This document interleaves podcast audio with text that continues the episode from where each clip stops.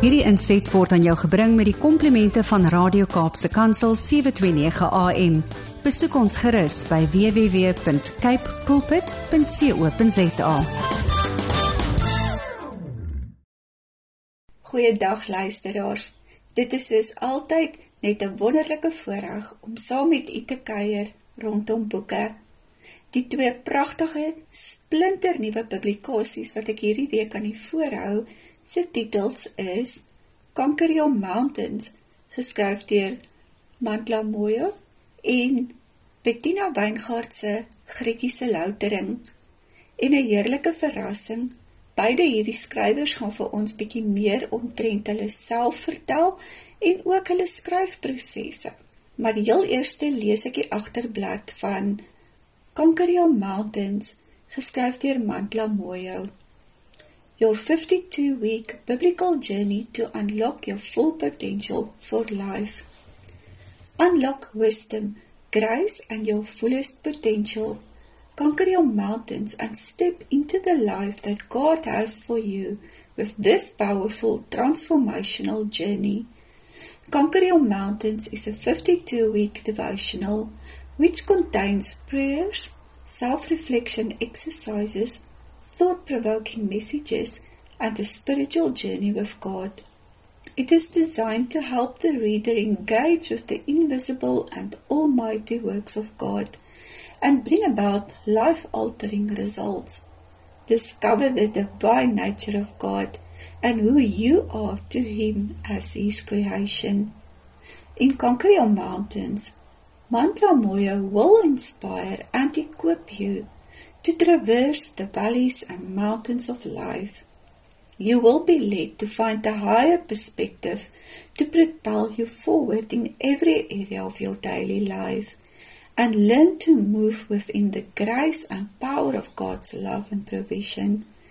Experience a deep transformational work as you journey into a life of overcoming that will elevate your perspective uplift your understanding of God's love and almighty power, and ultimately transform finances, relationships, career, and life to new heights. Dan lees ek 'n gebed op bladsy 118 en 119 wat so mooi is. Be a wall of fire around me and my glory within.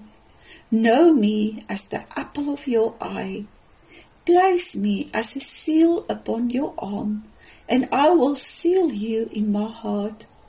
Then I will shout and be glad, full of mirth and joy, full of your Holy Spirit and sanctified forevermore. Free because you have taken my filthy clothes and clothed me richly.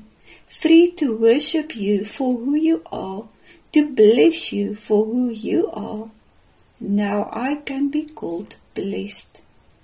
My sinful thoughts filled the measuring basket to overflowing, and now in one day they have been taken away. In one day I've been given true life, and now let me be called a blessing. Pour me out to spread your word and plant it among my family, friends, and colleagues. Lord Jesus, be my security and comfort. Be my cornerstone, my tent peg, and my bow. Lord Jesus, you have brought me into the fire, and I am being refined like silver and tested like gold. Say that we are your people, and we will say that you are our God. Set us apart, Lord. Write on us that we are holy to the Lord. Amen. Dit was dan 'n gedeelte uit Mantla Moyo se Conqueror Mountains. Mantla vertel nou sommer bietjie self oor ietsie meer rondom hom en sy skryfwerk. Hello everyone. My name is Mandla Moyo. I'm the author of a book called Conquer Your Mountains, and this is your 52 week biblical journey to unlock your full potential for life.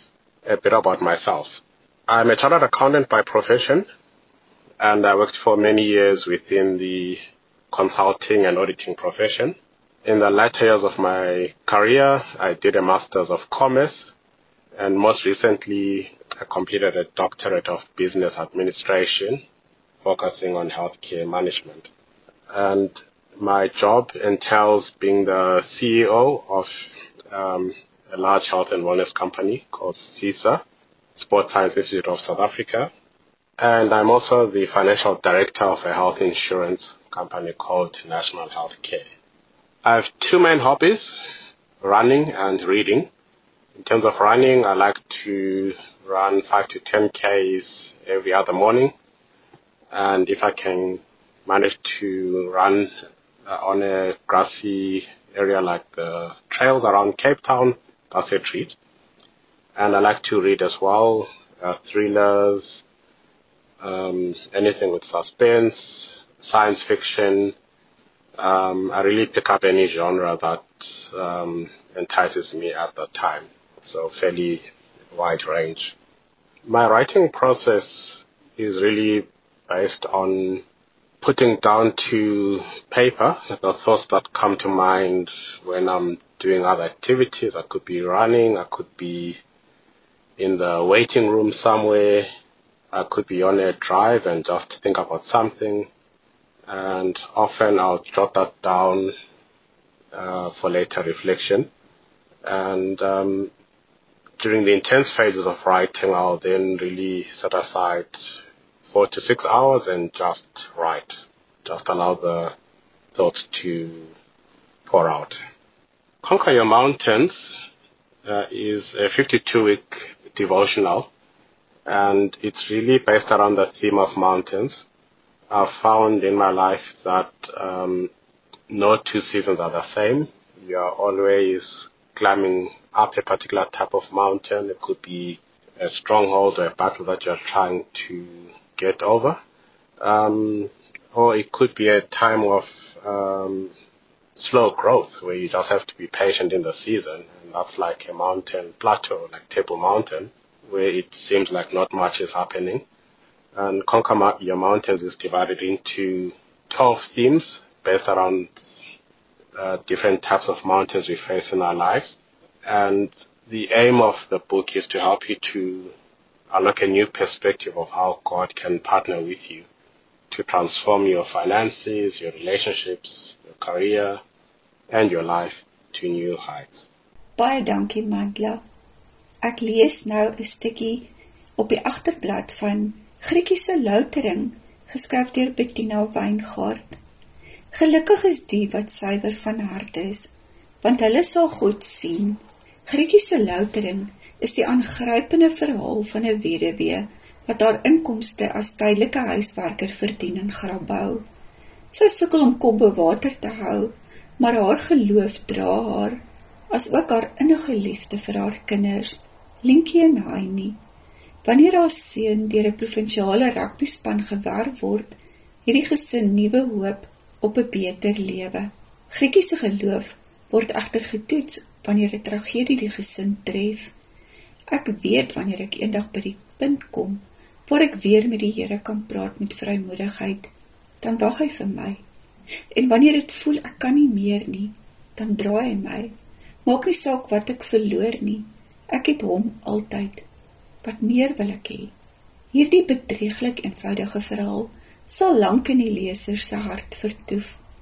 Bettina kry dit reg om 'n roman te skryf oor dinge wat elke dag met baie mense gebeur maar tog die leser op so 'n wyse vasvang dat die karakters byna tasbaar word in hulle menslikheid. Die skrywer is bekend vir haar boeiende krimmies, maar in Griekiese Loutering besoek Bettina met groot sukses daardie bron waar haar debuut Troos vir die gebrokenes ontstaan het. Dan lees ek 'n stukkie op bladsy 90 en 91. Ordentlike mieliepap vat tyd. Eers moet die balans tussen water en mieliemeel reg wees. Te veel water en jy sit met 'n paparasie op hande.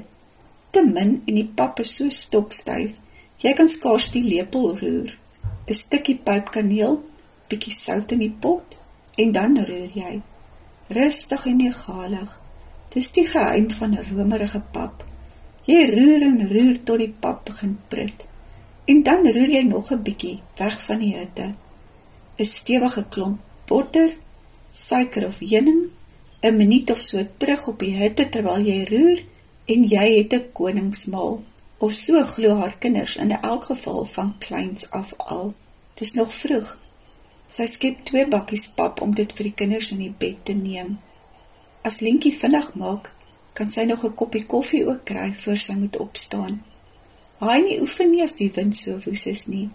Hy het nog omtrent 'n uur voor hy skool toe moet gaan. Maar toe sy klop en by sy kamer inloer, is hy reeds besig om hom teen die dik tou wat uit sy kamerdak hang op en af te trek. Hy het sy oefenbroekie aan, 'n T-hemp en sokkies.